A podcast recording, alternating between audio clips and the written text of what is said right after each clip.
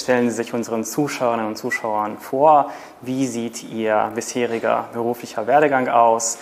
Wo waren Sie vor der Annahme dieser Funktion und wie hat Sie Ihr Weg nach Serbien geführt? Zuerst einmal vielen Dank, dass Sie hier nach Belgrad gekommen sind. Ich freue mich sehr, Sie hier am Österreichischen Kulturforum an der österreichischen Botschaft begrüßen zu dürfen.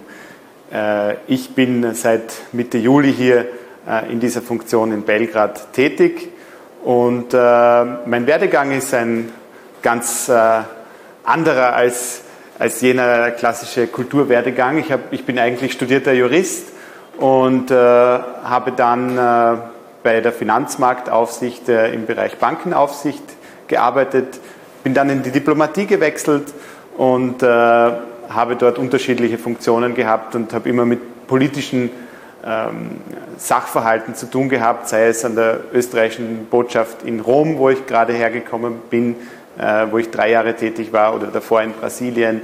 Äh, also war immer im politischen Feld tätig und jetzt äh, zum ersten Mal mit kulturellen Angelegenheiten befasst. Und ja, ich freue mich auf alles, was da kommt.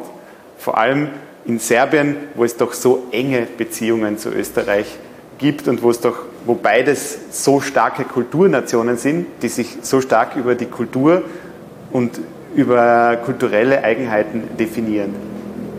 Was würden Sie sagen, was ist die Mission des Kulturforums und äh, welche Aufgaben haben dabei Sie als Direktor? Ich sehe das Kulturforum als Bindeglied zwischen der österreichischen Kulturszene und der serbischen Bevölkerung, die für die österreichische Kulturlandschaft äh, sicherlich begeistert werden kann, auch weiterhin.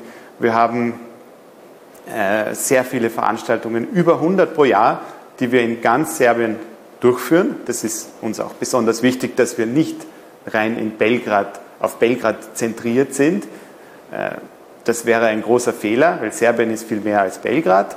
Und wir sind von der Vojvodina äh, bis ganz nach Süden aktiv und versuchen auch in kleineren Städten Veranstaltungen abzuhalten oder zu unterstützen.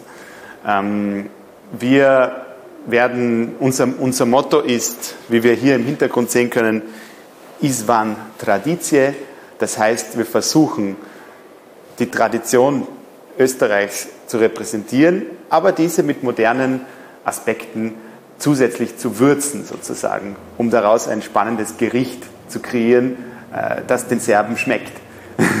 Man weiß, die Serben essen gerne würziges Essen und wir versuchen sozusagen eine gewisse Würze in unsere, in unsere Veranstaltungen zu bringen. Das heißt, wir versuchen einerseits die traditionellen Aspekte der österreichischen Kultur, sei es im Bereich Musik, Literatur, äh, bildende Kunst, äh, darzustellen, aber auch noch eine kleine Message rein zu verpacken in unsere Events. So äh, machen, haben wir in der Vergangenheit bereits äh, Veranstaltungen gemacht, wo wir aufzeigen, äh, wie die grüne Wende, der Klimawandel ähm, bewältigt werden müssen, dass das eine Herausforderung unserer Zeit ist, die uns alle verbinden sollte. Also die Nachhaltigkeit, die ökologische, aber andererseits auch greifen wir auch Themen auf, die uns gerade wichtig erscheinen, wie zum Beispiel äh, Gewaltprävention, wo wir im Herbst eine interessante Veranstaltung hier in Belgrad abhalten werden, äh, mit dem Projekt On Violence, mit dem wir mit der, bei dem wir mit der psychoanalytischen Gesellschaft Serbiens kooperieren. Gerade jetzt, wo, die, wo das Thema Gewalt und die Proteste dagegen in Serbien ein so wichtiges Thema sind.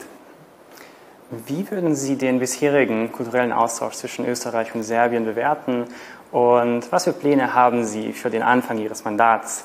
Mit anderen Worten, was bringt die Zukunft für das Kulturforum? Wie gesagt, ich bewerte die, die kulturellen Beziehungen als sehr eng im Vergleich zu anderen Staaten. Wir als, wir als Österreich verstehen uns immer als Tür in Richtung Serbien, in Richtung der Westbalkanländer. Wir setzen uns immer sehr stark auch auf kultureller Ebene äh, dafür ein, dass Serbien nicht vergessen wird, sondern sichtbar ist, serbische Kultur und die österreichische Kultur, äh, die historisch eng verbunden sind. Ähm, für die Zukunft des Kulturforums sehe ich den Fokus, wie gesagt, noch stärker auf Themen wie Nachhaltigkeit, auf Themen äh, wie Umweltschutz, Menschenwürde und Grund- und Freiheitsrechte. Und zum Schluss würden unsere Zuschauerinnen und Zuschauer sicherlich gerne wissen, wie fühlen Sie sich in Serbien und was gefällt Ihnen am meisten? Was mir an, Serbien am meisten gefällt, ist die Gastfreundschaft und die extreme Hilfsbereitschaft der Menschen. Hier kann man jeden auf der Straße anhalten und etwas fragen und, wie man auf Englisch so sagt, they do the extra mile. Sie gehen wirklich ähm, noch über das Nötige hinaus, um einem zu helfen. Also die, die enorme soziale Wärme und Kooperationsbereitschaft, die sich auch im, im Arbeitskontext niederschlägt, die die serbische Bevölkerung zeigt, die gefällt mir wirklich am meisten. Herr Falteiner, nochmals herzlich willkommen, herzlichen Glückwunsch und vielen Dank für dieses allererste Interview von sicherlich noch zahlreichen weiteren. Dankeschön. Vielen Dank Ihnen. Gledate paletu. Izbor iz emisija na jezicima nacionalnih zajednica.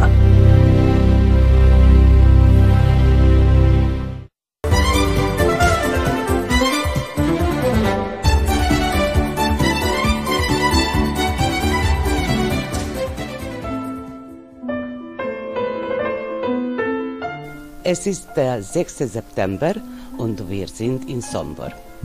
Der Verein Gerhard empfängt gern gesehene und wichtige Gäste, die am Vormittag schon die Sehenswürdigkeiten von Sombor besichtigt haben. Was für Beziehungen pflegt Ihr Verein mit dem St. Georg-Orden? Also mit diesem Ordner haben wir, äh, haben wir Beziehungen, also seit, seitdem also unsere ehemalige Vorsitzende ein Ritterbruder war. Und äh, mit denen also haben wir unterschiedliche also humanitäre Aktionen also in der Vergangenheit also durchgeführt. Das Thema oder das Ziel des Treffens, des Besuches ist, dass wir diese Leute, die Ritterbrüder, die noch nie in, in der Region waren, die nichts über die Donauschwaben Bescheid wissen, dass wir sie mit dem Thema also kennenlernen und dass wir sie dafür also eigentlich sensibilisieren. Und manche von ihnen sind nicht zum ersten Mal hier. Das stimmt auch. Also einige haben auch Herkunft also in dieser Region. Und was für Kontakte pflegen Sie zum Verein St. Gerhard? Ja, ja, ich pflege diese äh, Kontakte sehr aktiv, also seit Ewigkeit schon. Ne? Und äh, versuchen wir ab und zu mal nach unserer Möglichkeit zu helfen auch. Ne? Und ich tue das sehr, sehr gerne. Ja, wir haben gehört, dass Sie viel, viel Hilfe geleistet haben an hiesigen äh, Donauschwaben. Und was war es eigentlich, wenn Sie es erwähnen? Ja, gut, äh, wir haben vor einiger Zeit ein Riesenauto gehabt, voll gehabt, vollgepackt mit Möbeln. Ne? Und dann haben sie ein bisschen Geld und so, was wir, äh, was die gebrauchen können. Ne? Also, ja. Und heute haben Sie auch das Museum von Donauschwaben besichtigt. Jawohl. Und? Und also, ich kann nur, äh, ich konnte das nicht vorstellen, dass es so gut und so schön und so äh, reich äh, geworden ist. Also es, alle Achtung, was die in diese letzten zwei Jahre gemacht haben, das ist fast unfassbar. Ne? Hier mit uns ist auch eine Ordensdame. Bitte stellen Sie sich ja, erst einmal ein herzliches Grüß Gott. Ich freue mich natürlich ganz stark, dass ich in die Vojvodina fahren durfte. Mein Name ist Ursula Berchtold und ich bin in unserem Ort die stellvertretende Bürgermeisterin und freue mich sehr, weil Vojvodina ist für mich schon was Spannendes gewesen. Etwas, was ich einfach mal wissen wollte und durch meine Ordensritter da, damit, dass ich Ordensritterin bin, habe ich die Möglichkeit, hierher zu kommen. Und ich muss sagen, ich bin ganz toll empfangen worden, wir alle. Wir sind sehr, sehr beeindruckt von hier, von den Menschen. Was macht eigentlich ein Ort aus ohne den Menschen? Ich bin das allererste Mal hier in Serbien und ich bin fast begeistert. Ja, und Sie haben auch Bücher ich mitgebracht. Ich habe deutsche Bücher mitgebracht für Kinder, aber auch für Heranwachsende oder auch eins für Erwachsene. Und weil ich gedacht habe, vielleicht können Sie es brauchen, die Bücher sind in Deutsch. Und ich bin jetzt ehrenamtlich tätig in einer Benediktinerabtei, weil ich ja ich war ein kleines Kind und jetzt geht's mir sehr, sehr gut und ich möchte etwas zurückgeben an andere, die vielleicht meine Hilfe brauchen können und ich mache das gerne und mit Freude und jedes Mal, wenn ich jemandem helfen kann, freue ich mich. Und was sind Ihre ersten Impressionen von hier? Ich bin fast, ich bin begeistert. Also ich kenne Serbien, zum ersten Mal habe ich es gesehen und ich sah jetzt die Innenstadt und die Leute sind so freundlich, so höflich, so entgegenkommend. Wir sind äh, der St. Georgs Ritterorden mit Sitz ja in Visegrad in Ungarn und der Zweitsitz ist in Passau, dort wo die Frau des Königs Stephanos begraben ist, die Gisela, heilige Gisela, ist ja, stammt ja aus Bayern, ist wieder zurückgekehrt und hat in Passau äh, große Bildungsarbeit gemacht. Wie ich gehört und gelesen habe, ihre Arbeit und ihre Tätigkeit ist meist karitativ und äh, befasst sich überhaupt nicht mit Politik, mit Sozial, Parteien. ist überparteilich, ist äh, sozial karitativ und natürlich auch völkerverständigend. Ich glaube, gerade in der jetzigen Zeit ist es unheimlich wichtig, dass die Menschen der verschiedenen Völker zusammenfinden. Wir waren ja über Jahrzehnte irgendwie geprägt davon, dass es in Europa keinen Krieg mehr stattfindet. Äh, leider ist die Situation anders, Russland und Ukraine. Und äh, wir würden nur wünschen, dass auch hier, meinetwegen im Land, also in Serbien selber, dass hier äh, mehr Schwung reinkommt, eben auch für Freiheit, für Demokratie, für Wohlstand, äh, freie Grenzen und so weiter, wie es einfach einem Großteil der Europäer vergönnt ist.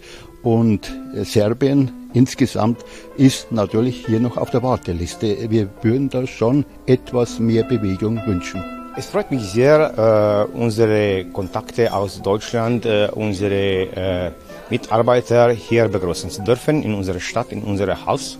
Und äh, es ist sehr wichtig, unsere Kontakte pflegen. Und äh, es gibt viel, äh, wir müssen, es gibt viel zu erklären zu unserer Freude. Und es ist gut, dass wir solche Kontakte mit, mit, mit unseren Landsleuten dort haben. Zum Abschluss des Besuchs begaben sich die Gäste zum Denkmal für die 8000 unschuldigen deutschen Opfern in Gakowo und legten einen Kranz nieder, um den Toten dadurch Ehre zu zollen.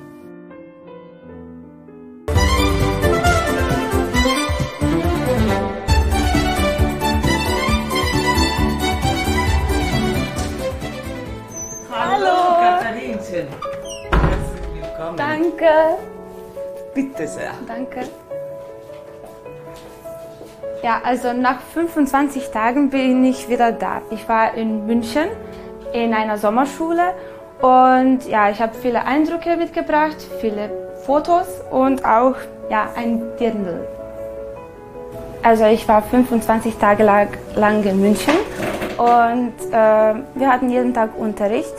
Äh, es gab zwölf Gruppen von A1 bis C1-2 und ich war in der letzten Gruppe, C1-2. Wir waren in unserer Gruppe insgesamt 15. Das war eine reine slawische Gruppe. Es gab äh, sehr viele Tschechen in meiner Gruppe, äh, ein Mädchen aus der Ukraine und äh, ein Mädchen aus Montenegro, ähm, ich und noch zwei Mädchen aus Serbien und ein Mädchen aus Kroatien. Und es gab zwei, also ein Junge und ein Mädchen aus der Slowakei. Und wir hatten jeden Tag Unterricht und äh, am Ende sollten wir eine Klausur schreiben, so eine Prüfung. Und wir hatten auch Präsentationen gemacht. Äh, wir waren in Gruppen eingeteilt und meine Gruppe hatte das Thema äh, Brauereien und Isarwasser in München. Und es hat alles sehr viel Spaß gemacht. Wir hatten auch viele Exkursionen. Wir haben auch selbst manche veranstaltet. Wir haben viele Schlösser besucht. Wir waren in Schloss Neuschwanstein und Hohenschwangau. Ähm, wir waren auch in Salzburg. Dort haben wir auch äh, Mozarts Geburtshaus besucht. Wir waren auch in Ulm und ich habe auch Donauschwäbisches Zentralmuseum besucht. Das war äh, also mein Wunsch. Und wir waren auch in Augsburg, wo Brechthaus ist. Äh, ja, nach, der, nach dem Unterricht haben wir oft zusammen Kaffee getrunken, verschiedene Spiele gespielt und ich habe sehr viele Menschen kennengelernt. Das war ein Stipendium von äh, Beihost und äh, ja, es gab über 200 Menschen, glaube ich, nicht alle waren äh, Stipendisten, aber ja, manche von uns waren. Und es gab sogar Menschen aus den USA, aus Kanada, aus Ägypten. Also sehr multikulturell und sehr unterschiedlich.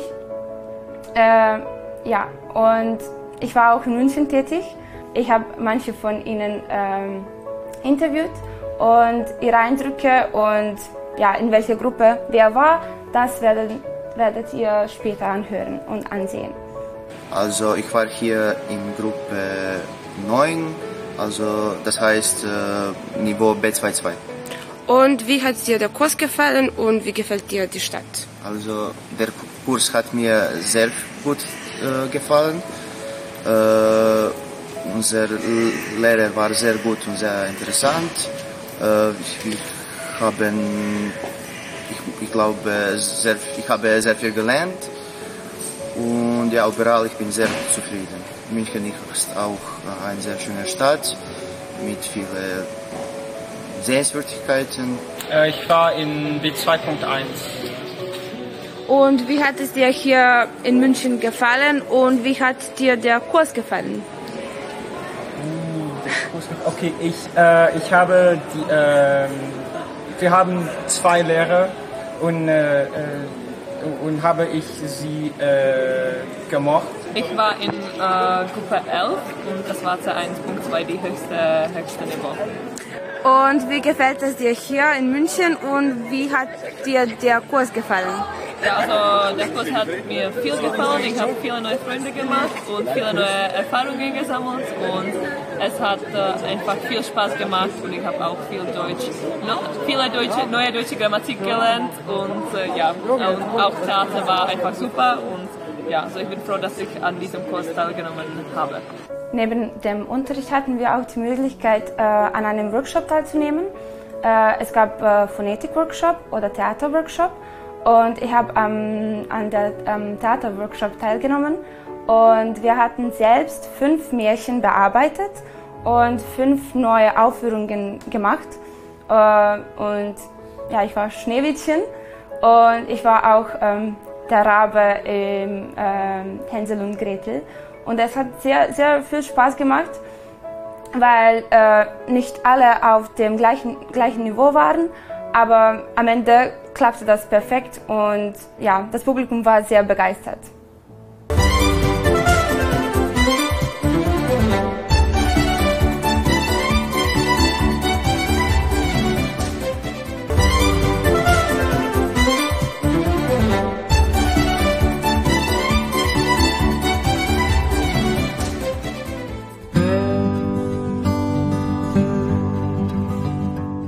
Angeln ist Männersport von wegen.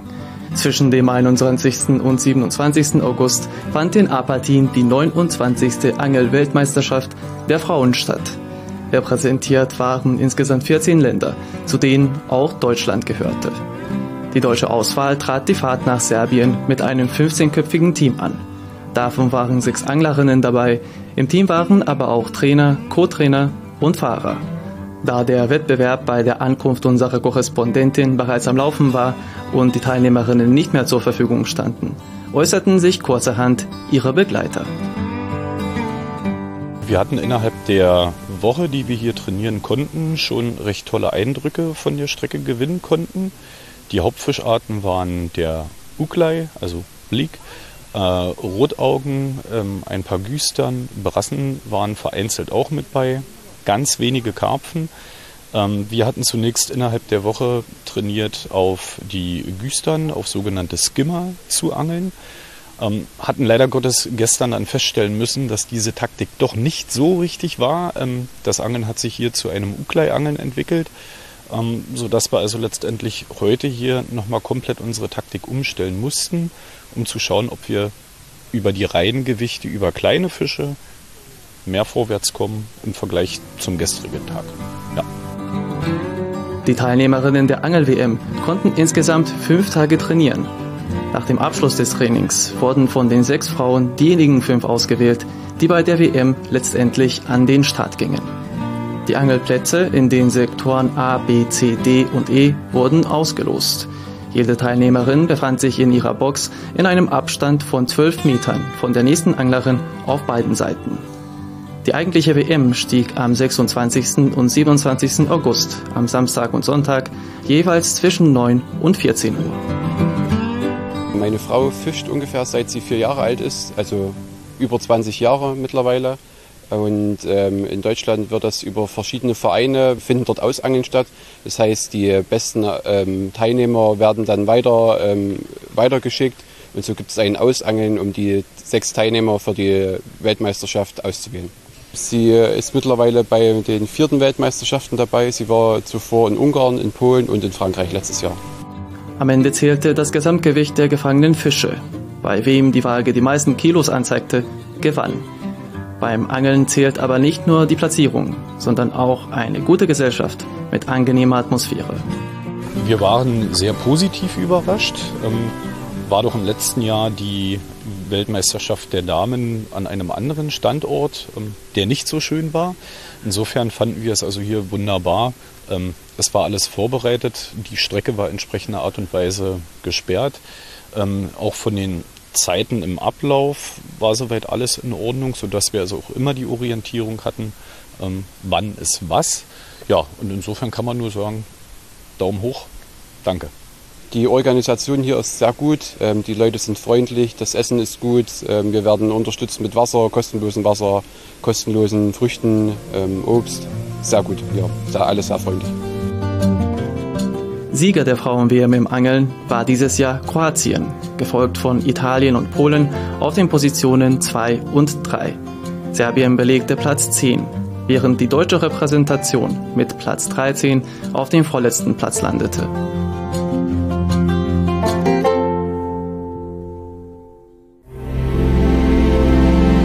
Gledate paletu. Izbor iz emisija na jezicima nacionalnih zajednica.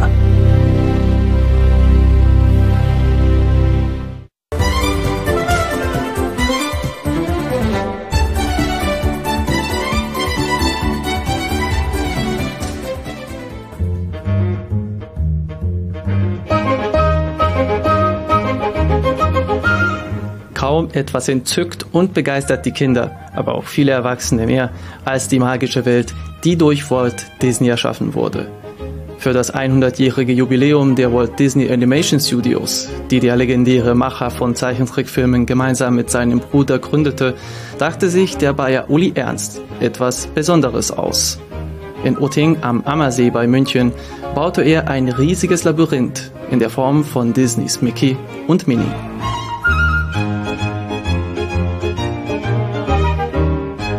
Das, was das Grün macht, das ist eben unsere ganz typische Pflanzenmischung. Die besteht aus Sonnenblumen als erstes, aus Hanf als zweites, sonst auch Malve, Mais und je nachdem auch Kletterpflanzen. Der Irrgarten erstreckt sich über eine Fläche von 18.000 Quadratmetern und ist insgesamt 3,2 Kilometer lang. Der Komplex der Superlative besteht aus 360.000 Pflanzen, die von einem 22-köpfigen Team angelegt wurden. Bei der Vermessung des Musters halfen sogar Studentinnen und Studenten der Hochschule München. Für Uli Ernst ist dies bei weitem nicht sein erstes großes Projekt. Er beschäftigt sich seit 25 Jahren mit der Einrichtung groß angelegter Labyrinthe. Das Einpflanzen für jenes angesichts des Jubiläums begann er zusammen mit seiner Frau Corinne bereits im Mai dieses Jahres. Der Disney Irrgarten erwartet seine Gäste ganz bis Ende September. Insbesondere die Kinder zeigen sich fanatisch, die im Labyrinth nach versteckten Stationen suchen können. Für die Kleinen wurden außerdem verschiedene Spiele und Quizze vorbereitet. Ja, ich war hier schon mal und mir gefällt, dass man da einfach immer Stempel stempeln kann und dass man halt einfach überall rumrennen kann. Mir gefällt so, so gut daran, dass hier dass wir ganz viele Stempel finden müssen und dass man dann stempeln darf. Hm, dass man laufen kann oder dass man stempeln soll.